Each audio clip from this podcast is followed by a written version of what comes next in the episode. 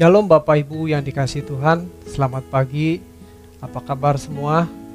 Pagi ini kita kembali berkumpul dalam ibadah kita dan biarlah apa yang Tuhan pesankan bagi kita pagi ini kita mau belajar lagi kebenaran supaya pesan itu boleh mengakar dalam pikiran kita, tertanam dalam hati kita dan mengubah hidup kita.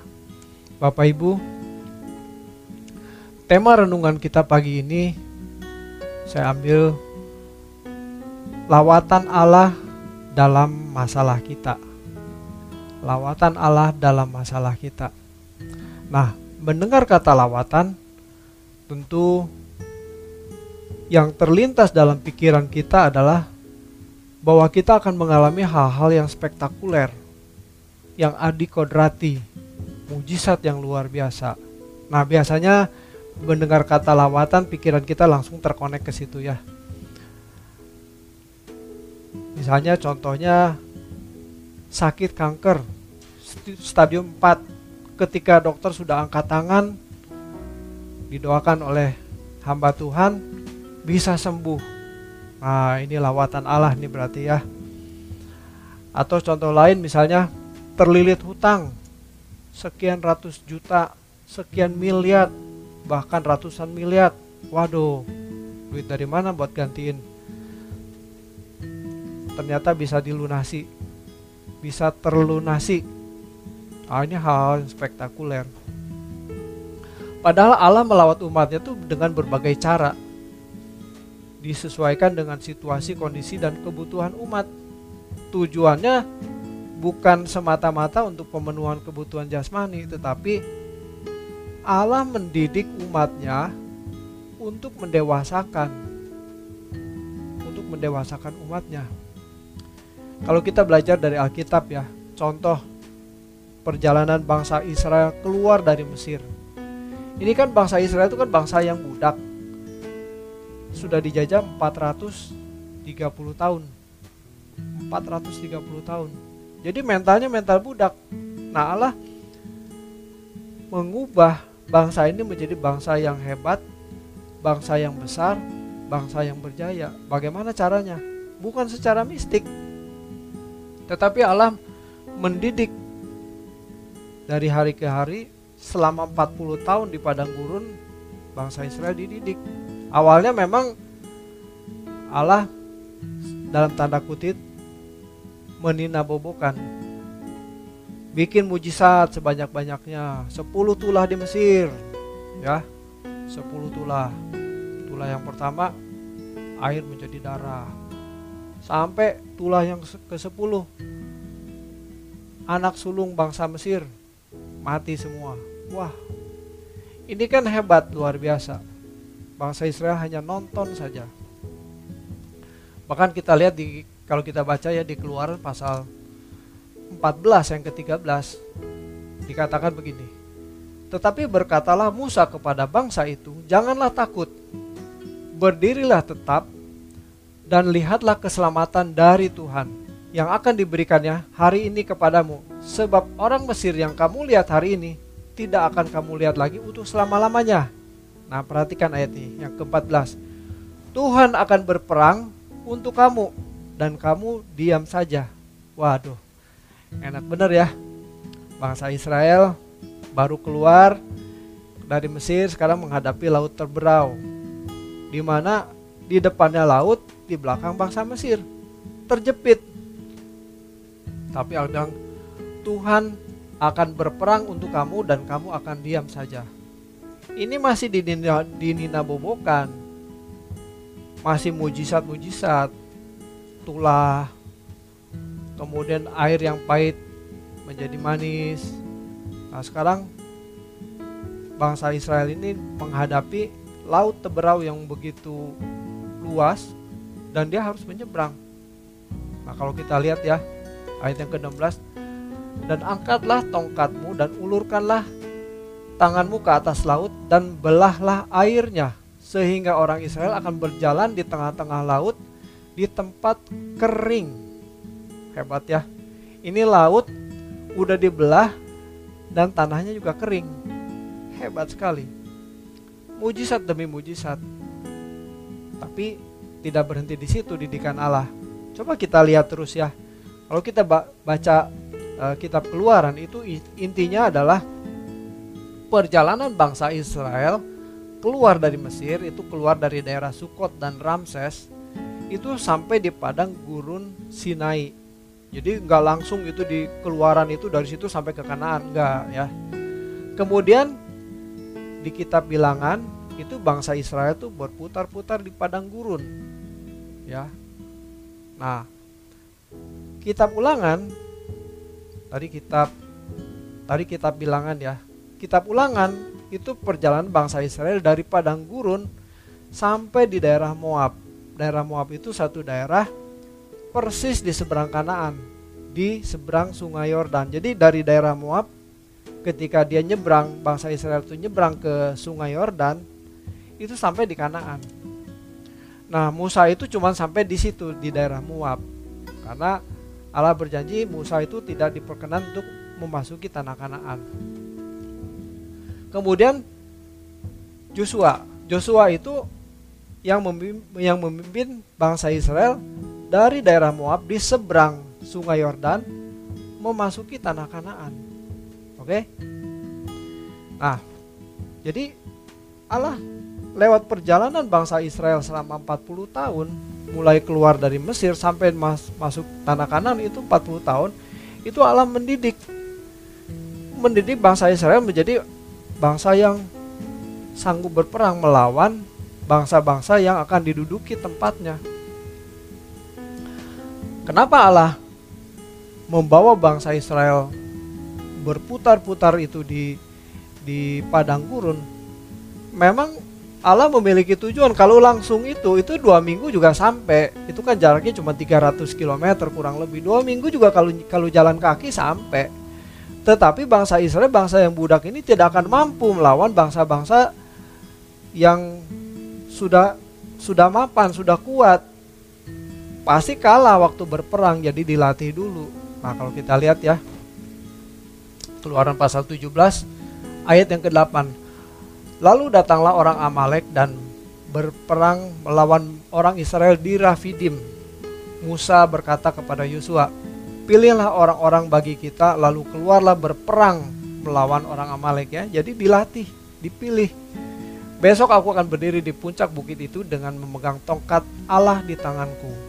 Ya, latihan berperang terus lawan bangsa-bangsa. Nah, itu di keluaran. Di ulangan itu itu tadi kan kalau saya lihat di ulangan itu kan posisinya itu perjalanan bangsa Israel dari padang gurun sampai daerah Moab. Jadi sudah mau memasuki tanah Kanaan. Nah, apa yang Allah kerjakan di situ? Ulangan pasal 20 ayat 17. Melainkan kau tumpah sama sekali yakni orang Het, orang Amori, orang Kanaan, orang Feris, orang Hewi, orang Yebus. Begitu banyak bangsa-bangsa di tanah Kanaan di seberang sungai Yordan yang harus dikalahkan. Wah, berarti ini sudah memasuki masa peperangan. Jadi benar-benar dilatih. Jadi waktu bangsa Israel itu ada di Mesir itu mujizat demi mujizat yang Tuhan adakan. Tetapi ketika sudah mendekati Kanaan, sudah mau memasuki negeri yang dijanjikan Tuhan, tidak ada lagi mujizat. Karena Allah mendidik bangsa Israel itu menjadi bangsa yang cakap dalam berperang. Jadi didikan Allah itu melewati setiap tantangan, setiap rintangan, setiap masalah itu mendewasakan umatnya. Oke, nah sekarang kita balik ke posisi kita sekarang.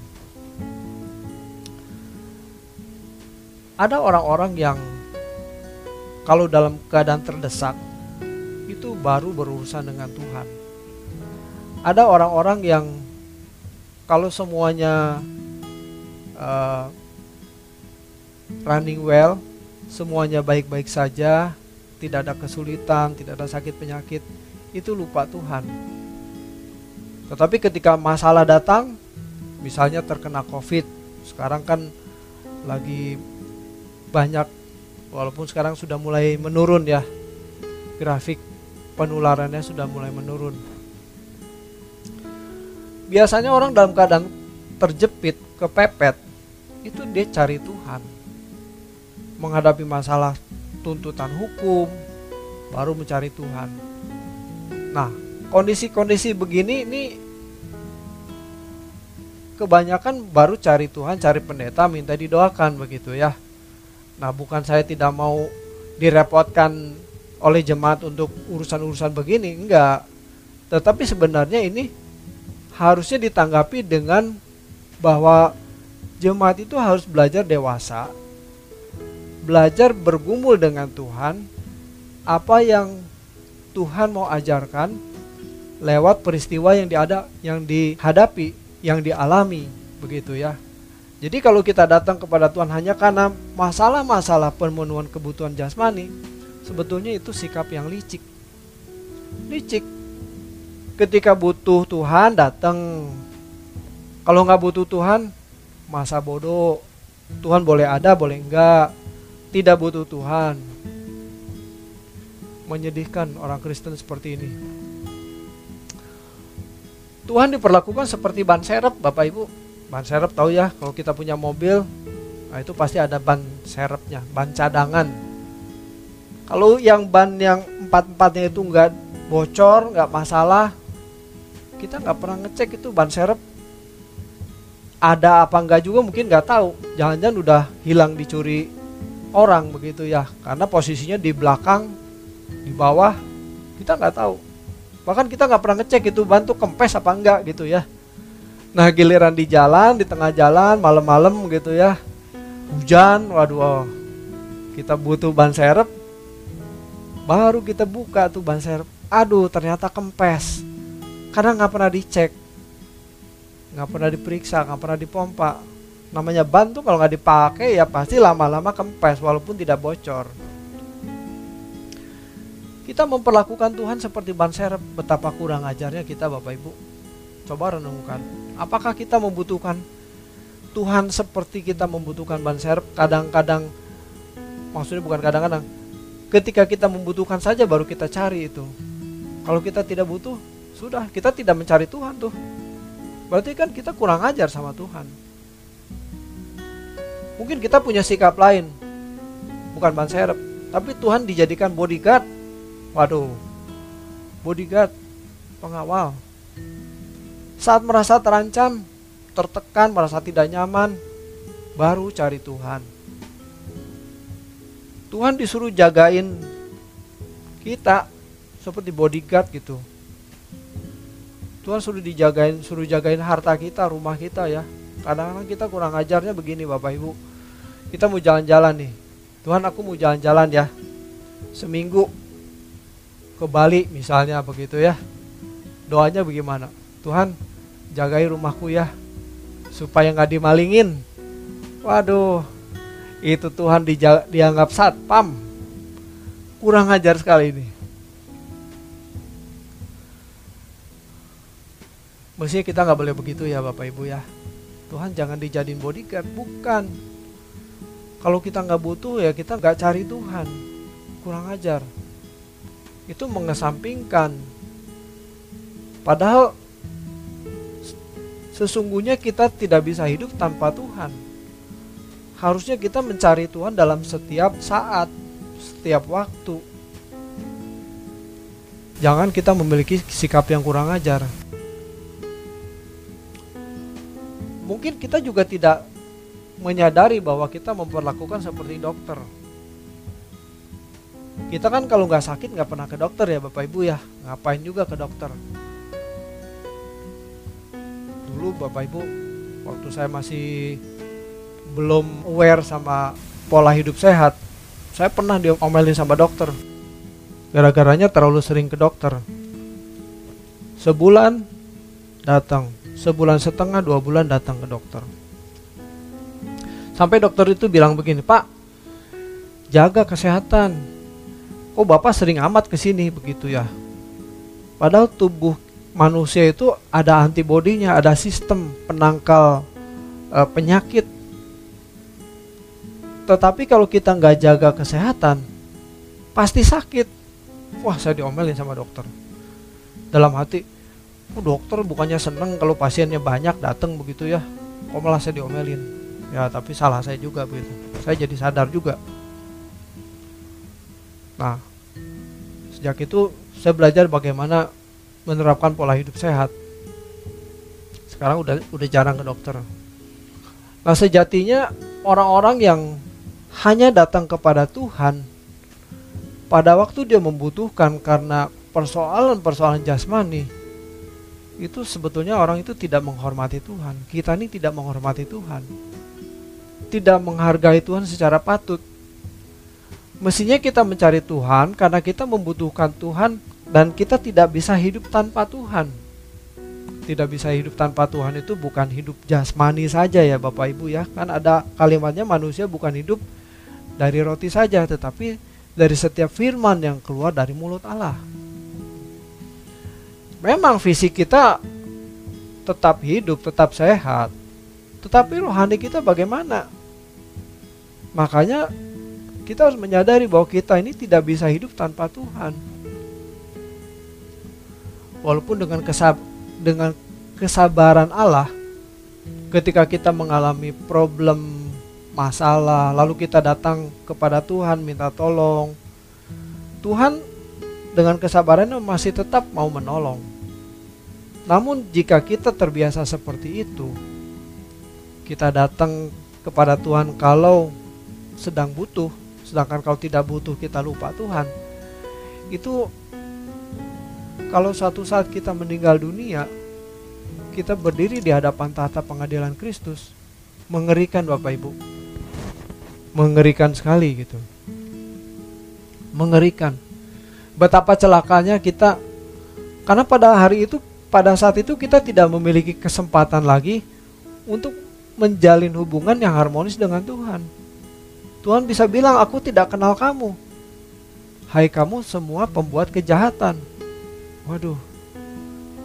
Maka seharusnya kita berjalan bersama dengan Tuhan tuh tiap hari mencari Tuhan, memburu Tuhan, bukan karena kita kebutuhan, bukan karena kita memiliki kebutuhan, pemenuhan kebutuhan jasmani, melainkan karena kita butuh Tuhan karena memang Tuhanlah kehidupan kita. Supaya satu saat kalau kita meninggal dunia, kita sudah berjalan bersama dengan Tuhan. Kita menjadi orang yang dikenal Tuhan untuk masalah-masalah kebutuhan jasmani, misalnya sakit, kita kan bisa ke dokter. Kita butuh uang, kerja keras. Menghadapi masalah hukum, kita bisa minta pertolongan advokat, pengacara dan lain-lain. Mungkin Bapak Ibu ingat di khotbah saya bulan uh, Juli atau Agustus ya, Agustus ya, yang judulnya Tuhan kebutuhanku ya. Tuhan kebutuhanku. Saya sudah menjelaskan bahwa semua pemenuhan kebutuhan jasmani, kebutuhan-kebutuhan jasmani kita itu bisa dipenuhi dengan tanggung jawab. Orang dunia bisa sukses tuh tanpa Tuhan. Bisa sukses. Mau kaya, kerja keras. Bisa. Mau sehat, jaga ban, jaga jaga tubuh, olahraga, bisa sehat tanpa Tuhan. Tetapi hal Bagaimana kita bisa hidup berkenan kepada Tuhan? Kita tidak bisa hidup tanpa Tuhan. Makanya kita harus bergaul dengan Tuhan setiap hari. Kalau suatu saat kita menghadap tahta pengadilan Kristus, tidak ada bantuan lagi, kita nggak bisa minta tolong dokter untuk menyembuhkan, kita tidak bisa minta tolong pengacara untuk bantu kasus kita, tidak. Kita sendiri yang akan menghadap tahta pengadilan Kristus. Tidak ada yang bisa tolong kita. Makanya sekarang mumpung masih ada kesempatan, kita perbaiki hidup kita, karakter kita. 2 Korintus 5 ayat yang ke-10 Sebab kita semua harus menghadap tahta pengadilan Kristus Supaya setiap orang memperoleh apa yang patut diterimanya Sesuai dengan yang dilakukannya dalam hidup ini Baik ataupun jahat So, jadi sebenarnya bisa dibilang kita tidak punya pilihan Bapak Ibu. Kita harus jadi orang yang benar di mata Tuhan. Kita berbuat jahat sekarang, nggak bakal bisa lolos di pengadilan nanti. Fokus hidup kita ini harus langit baru, bumi baru, bukan hidup hari ini. Hidup hari ini seperti makhluk ciptaan Tuhan yang lain yang tidak memiliki roh. Prinsipnya, mari kita makan dan minum sebab besok kita mati. Jadi seperti binatang-binatang itu. Tetapi manusia memiliki roh yang berasal dari Allah memiliki sifat kekekalan. Makanya orientasinya itu harus kekekalan. Langit baru, bumi baru. LB3. Bukan BL3. Mirip-mirip ya. LB3 dengan BL3. Apa tuh BL3? Bumi lama, langit lama. Dunia ini Bapak Ibu. Jangan keliru. Kita berjalan dengan Tuhan hari ini dan perjalanan itu terus kita lakukan sampai kita menutup mata. Dan kalau kita betul-betul berjalan bersama dengan Tuhan, kita memiliki kerinduan kepada Tuhan, kehausan kepada Tuhan. Sebab kita tidak bisa hidup tanpa Tuhan.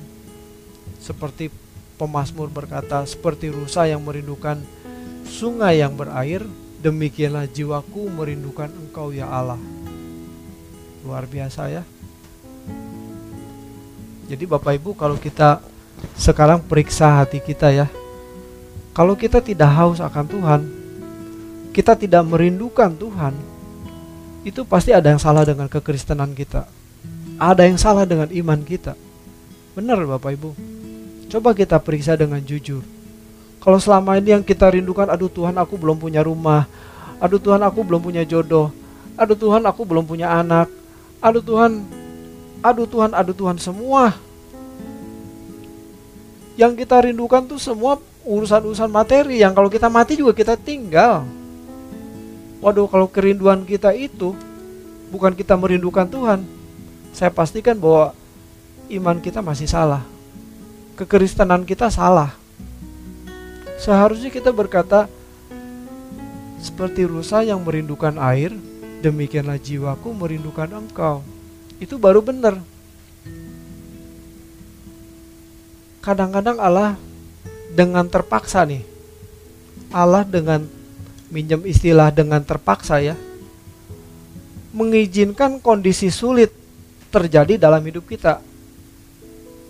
Jadi Allah mengizinkan kita berada dalam kondisi sulit untuk apa?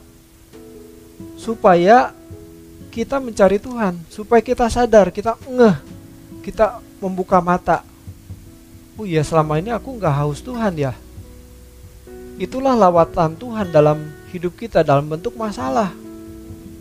Dalam bentuk masalah yang kita hadapi, kita jadi sadar sesungguhnya kita harus mencari Tuhan.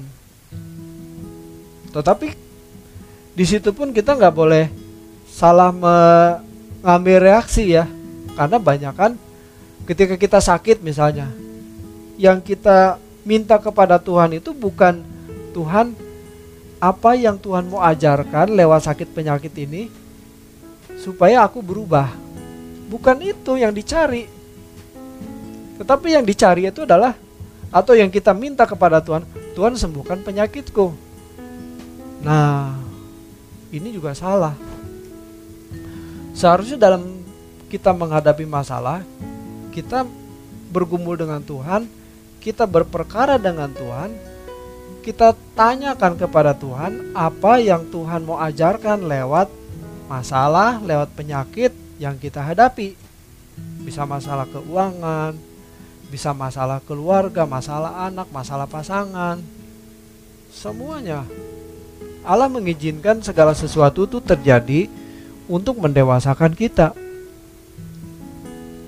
Jadi Tuhan sengaja menyengat, mengguncang kita dengan masalah-masalah tersebut. Nah kita ini diobok-obok supaya akhirnya kita mencari Tuhan dan kita sadar. Nah kalau kita sudah diberikan masalah terus kita masih tidak mengerti atau bahkan tidak mau peduli, wah itu susah. Yang diupayakan tuh hanya bagaimana masalah itu selesai.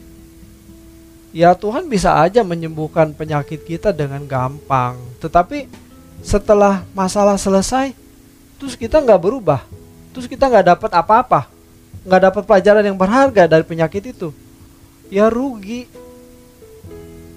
Tidak dapat berkat kekal. Nah ini yang sangat disayangkan. Jadi saya sudah belajar bertahun-tahun banyak hal.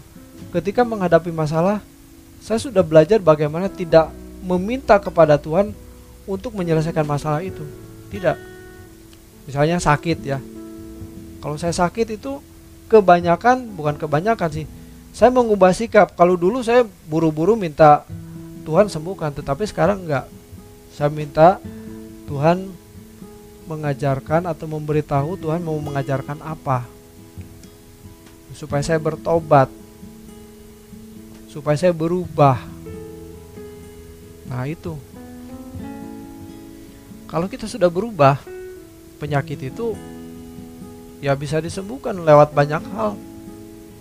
Lewat makan obat atau pola hidup sehat, bisa. Tidak tidak sulit bagi Tuhan itu untuk menyembuhkan penyakit kita. Nah, seharusnya kita ini sebagai anak Tuhan ini kita proaktif ya. Mencari lawatan Tuhan jadi setiap hari itu ada peristiwa-peristiwa kehidupan yang Tuhan sediakan untuk mengajar mendidik kita lewat masalah, lewat benturan, lewat peristiwa kehidupan yang kita alami. Tuhan mengajar kita di situ supaya kita ini dewasa.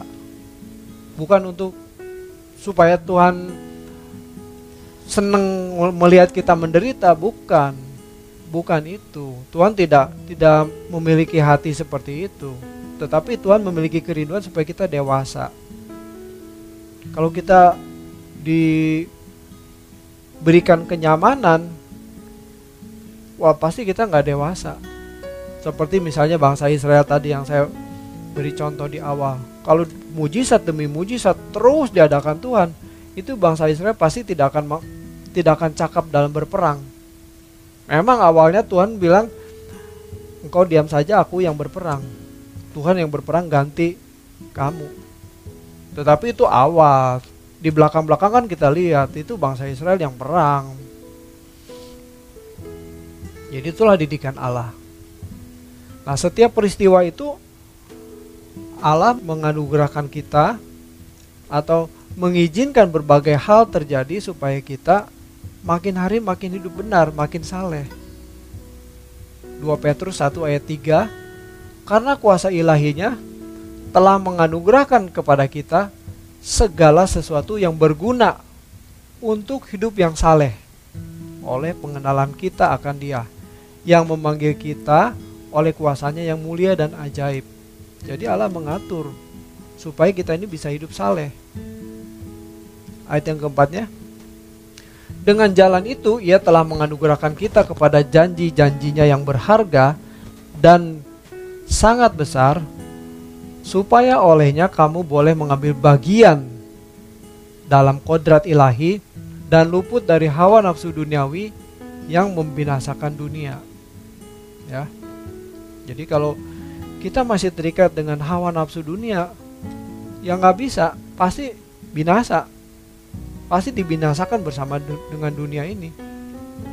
Seharusnya berkat jasmani itu bukan menjadi fokus hidup kita. Jadi ada rumah boleh, nggak ada rumah boleh, ya. Nggak ada rumah pribadi ya bisa ngontrak. Ada mobil boleh, nggak ada mobil ya, nggak apa-apa. Ya kalau ada kesempatan beli ya beli gitu ya. Tapi kita jangan ngoyo gitu loh jangan ngotot di situ harus punya loh aku aku udah umur segini aku belum punya rumah pribadi ya waduh Jangan Bapak Ibu. Fokus kita adalah bagaimana kita membenahi diri ya.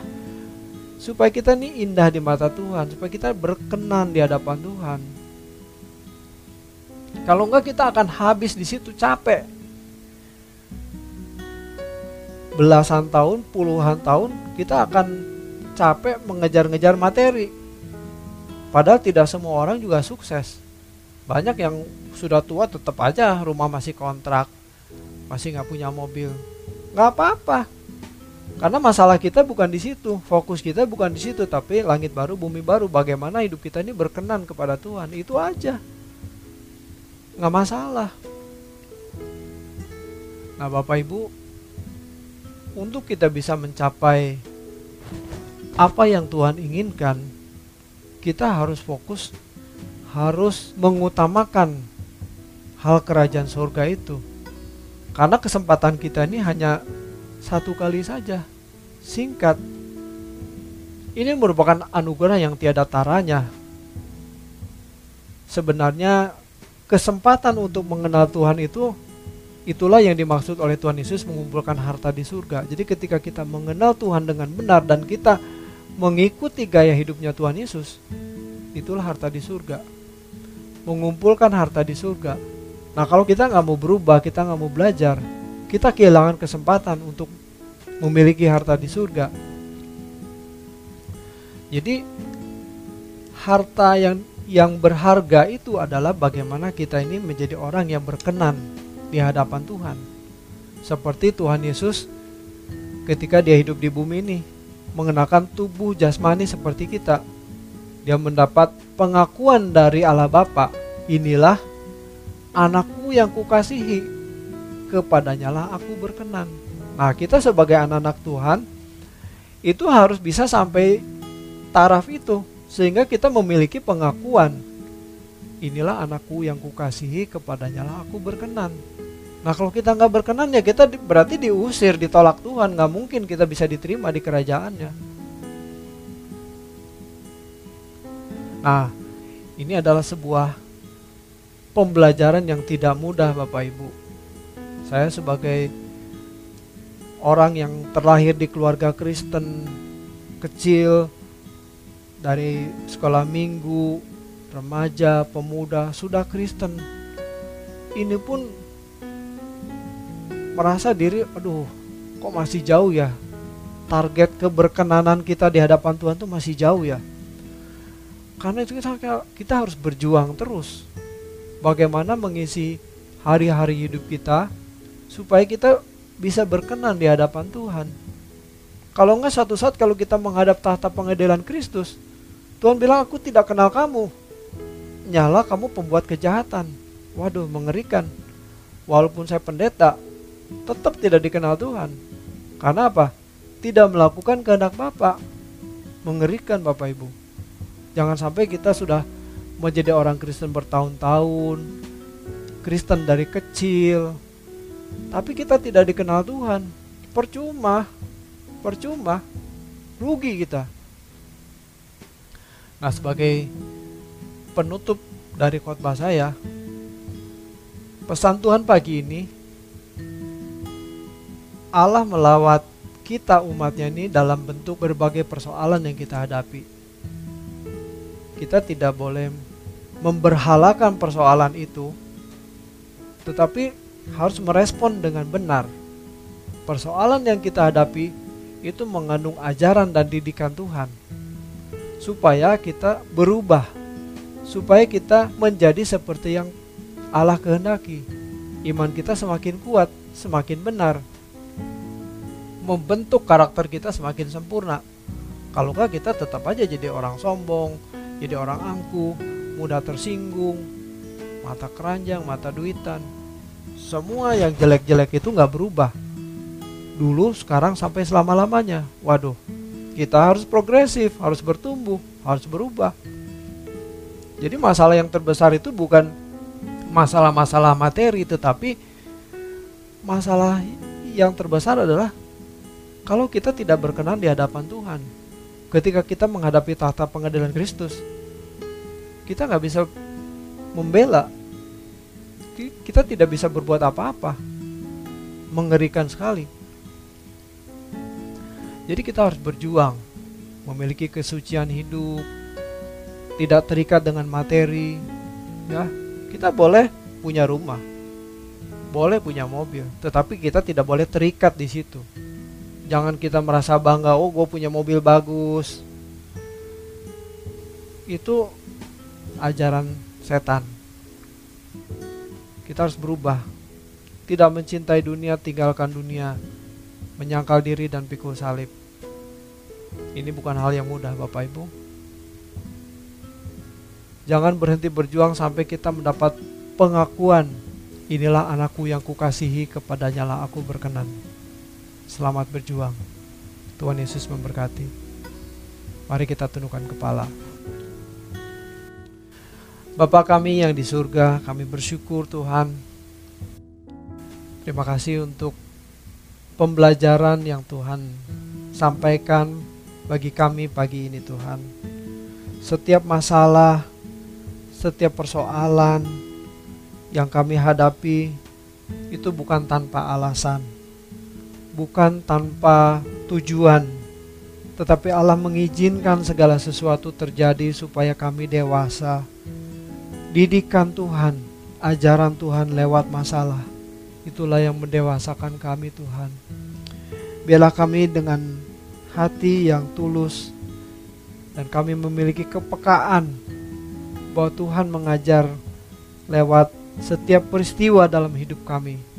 Kami boleh didewasakan, kami boleh berubah Tuhan semakin sempurna. Karakter kami diubahkan menjadi manusia yang memiliki karakter Kristus Tuhan. Terima kasih Bapa. Terpujilah namamu Tuhan. Kami bersyukur pada pagi hari ini Tuhan. Kami serahkan juga jemaatmu Tuhan. Tuhan memberkati jemaatmu di GSKI Perdatam ini Tuhan. Biar kami semua boleh bertumbuh semakin hari semakin mengenal Tuhan. Mengasihi Tuhan lebih dari apa pun, lebih dari siapa pun Tuhan. Kami boleh mengutamakan Tuhan dalam segala perkara. Terima kasih Tuhan, terpuji namamu. Berkati tangan-tangan yang sudah memberikan persembahanmu Tuhan bagi pekerjaanmu di gereja ini Tuhan. Kami mohon berkat daripadamu Tuhan untuk kami semua Tuhan. Mari Bapak Ibu kita angkat kedua belah tangan kita dan kita akan menerima berkat dari Tuhan. Segala berkat dari Allah Bapa, kasih dan rahmat dari Tuhan kita Yesus Kristus, serta pertolongan Roh Kudus yang menolong kita, membimbing kita, mendewasakan kita dari hari ke hari hingga kita sempurna di mata Tuhan. Terpujilah namamu. Di dalam nama Tuhan Yesus Kristus kami sudah berdoa. Haleluya. Amin.